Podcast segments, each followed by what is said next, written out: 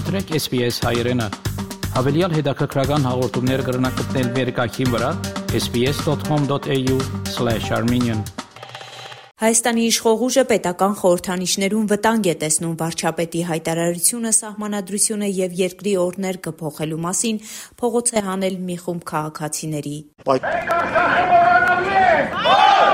Այս եւ այլ նորությունների մասին մանրամասն։ Հայաստանը փետրվարի 1-ից պաշտոնապես դարձավ միջազգային քրեական դատարանի անդամ։ 2023 թվականի նոյեմբերին միջազգային քրեական դատարանը հայտարարել էր, որ Հայաստանը 2024 թվականի փետրվարի 1-ից կդառնա Հռոմի կանոնադրությանը միացած 124-րդ պետությունը եւ Արևելյան Եվրոպայի խմբից 19-րդ պետությունը։ Փետրվարի 1-ից Հայաստանի քաղաքացիները կարող են մուտք գործել Արաբական Միացյալ Էմիրություններ առանց վիզայի։ Երկու երկրների միջև կնքված երկկողմ համաձայնագրի շնորհիվ զբոսաշրջիկները կարող են մինչև 90 օր մնալ Արաբական Միացյալ Էմիրություններում առանց մուտքի վիզայի պահանջի։ Ազգային անվտանգության ծառայությունը օրեր առաջ հայտնել է, որ ականապատ դաշտերի քարտեզների 8 նոր տեղակամատյաններ են ի հայտ եկել եւ դրանք առաջիկա օրերին աշխատանքային խողովակներով ադրբեջանական կողմի կփոխանցվեն։ Ազգային անվտանգության ծառայությունը նշել է, որ նախկինում մի քանի անգամ առանց նախապայմանների ադրբեջանական կողմին են փոխանցվել Արցախի ականապատ դաշտերի 972 տեղակամատյաններ եւ որ Հայաստանի ներկայացուցիչները բազմիցս հայտարարել են, որ Երևան Երևանի տրամադրության տակ ավելի լավ որակի քարտեզներ պարզապես չկան։ Փոխանցված քարտեզները ձեռք բերված են եղել Լեռնային Ղարաբաղի զինծառայողների միջոցով։ Բաքվին ականապատ դաշտերի 8 նոր քարտեզներ փոխանցելու հայտարարությունից օրեր անց ազգային անվտանգության ծառայությունը չի հստակեցնում արդյոք դրանք ուղարկել են արդեն ադրբեջանական կողմին, թե ոչ։ Մի խումբ քաղաքացիներ փողոց են դուրս եկել Հայաստանի վարչապետ Նիկոլ Փաշինյանի պետական խորհրդանիշների փոփոխության անհրաժեշտության մասին հայ հայտարարությունից հետո։ Մենք արժանանալու ենք։ Մենք հայոց պահանջատիրությունը ուրանալու ենք։ Հարավանը մոռանալու ենք։ Ոչ ենք կարող ուշքի գալ։ Հայաստանի հանրային ռադիոյին տված հարցազրույցում Հայաստանի վարչապետ Նիկոլ Փաշինյանն անցած շաբաթ անդրադարձել է մի շարք աղմուկ բարձրացած փոփոխությունների։ Այժմ շրջանառվում են մայր օրենքի սահմանադրության, ինչպես նաև պետական զինանշանի եւ օրներքի փոփոխության մասին խոսակցությունները։ Մեր հիմնը մեր ամենակարևոր տեքստն է, որը մենք պետք է եւ կարող ենք ունենալ։ Օրինակ մեր հիմնի մեջ կա թշնամի բառը։ Թող փող փողա թշնամու դեմ, թող միշտ պանծա Հայաստան։ Այս ինչ նշանակում է։ Այս նշանակում է, որ թշնամու ընկալումը մեր աշխարհընկալման ամենակարևոր մասն է։ Հայաստանի օրհներգի բառերի մասին տարբեր տարիներ դժգոհություններ եղել են։ Պատճառաբանվել է, որ այն պետք է ունենա ոգեշնչող բառեր եւ վերելք տանող երաժշտություն։ Հայաստանի օրհներգի խոսքերը անկախության հռչակագրի բովանդակությունը եւ զինանշանի պատկերները ուղիղ վտանգ են ներկայացնում Հայաստանի անվտանգությանը եւ դրանից ելնելով է շրջանառության մեջ դրվել պետական խորհրդանիշները փոխելու անհրաժեշտության մասին խոսույթը։ Վարչապետ Փաշինյանը պետական օրհներգը առաջին անգամ մեկ մեկնաբանել է երկրի անվտանգության տեսանկյունից։ Ձայն Փաշինյանը վստահ է, երբեք խաղաղություն չենք ունենա, եթե անկախության հռչակագրում Լեռնային Ղարաբաղ եւ Հայաստանի Հանրապետության վերամիավորման որոշում լինի։ Ազգային ժողովի իշխող քաղաքացիական պայմանագիր խմբակցության անդամ Վահագն Ալեքսանյանը հավելում է պատմական արդարության մասին դրույթը։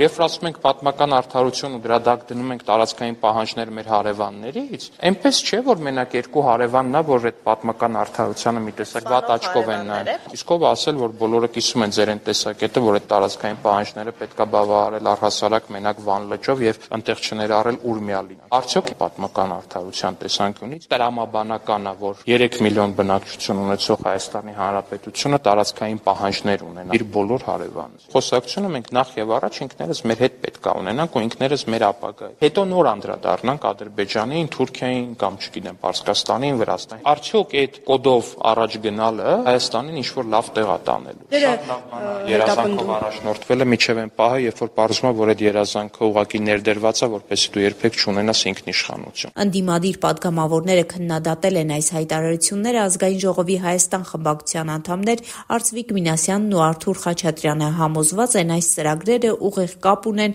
թուրք-ադրբեջանական պահանջների հետ, լսենք։ Նույնիսկ 1000 անգամ, եթե դու համոզված ես, որ դա լավ բան է, չպետք է անես, որովհետև եթե քո ճշնամու ասածը անում ես, նշանակում է դու ենթարկում ես իր խաղի կանոններին։ Վաղը Աստված չտա տես իրավիճակ առաջինը, բայց չի բացառում, որ ցեղասպանության հուշահամալիրներ քանդել տան։ Փաշինյանը արմատական փոփոխությունների, իսկ ավելի կոնկրետ կորցանար զիջումների մասին դեռևս մի քանի ամիս առաջ խոսել խորհրդան։ Երբեսեն հարց տվեց, դու փորձում ես քանդել երրորդ հանրապետությունը եւ ստեղծել նոր չորրորդ հանրապետություն, ինքը դա չժխտեց, ասաց իմ համար թվաբանությունը կարեւոր չի։ Հայաստանի առաջին նախագահ Լևոն Տեր-Պետրոսյանի ղեկավարած Հայ ազգային կոնգրեսի փոխնախագահ Լևոն Զուրաբյանն էլ ազատության հետ զրույցում պնդել է, վարչապետ Նիկոլ Փաշինյանը Ադրբեջանի եւ Թուրքիայի պահանջով է որոշել փոխել սահմանադրությունը, որտեղ հղում կա անկախության հռչակագրին։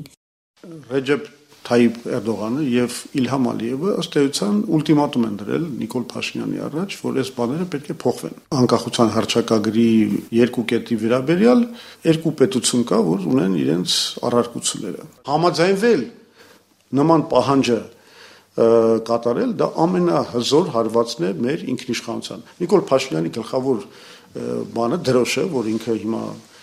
ծածանում է մեր ժողովրդի առաջ, դա այն է, որ նա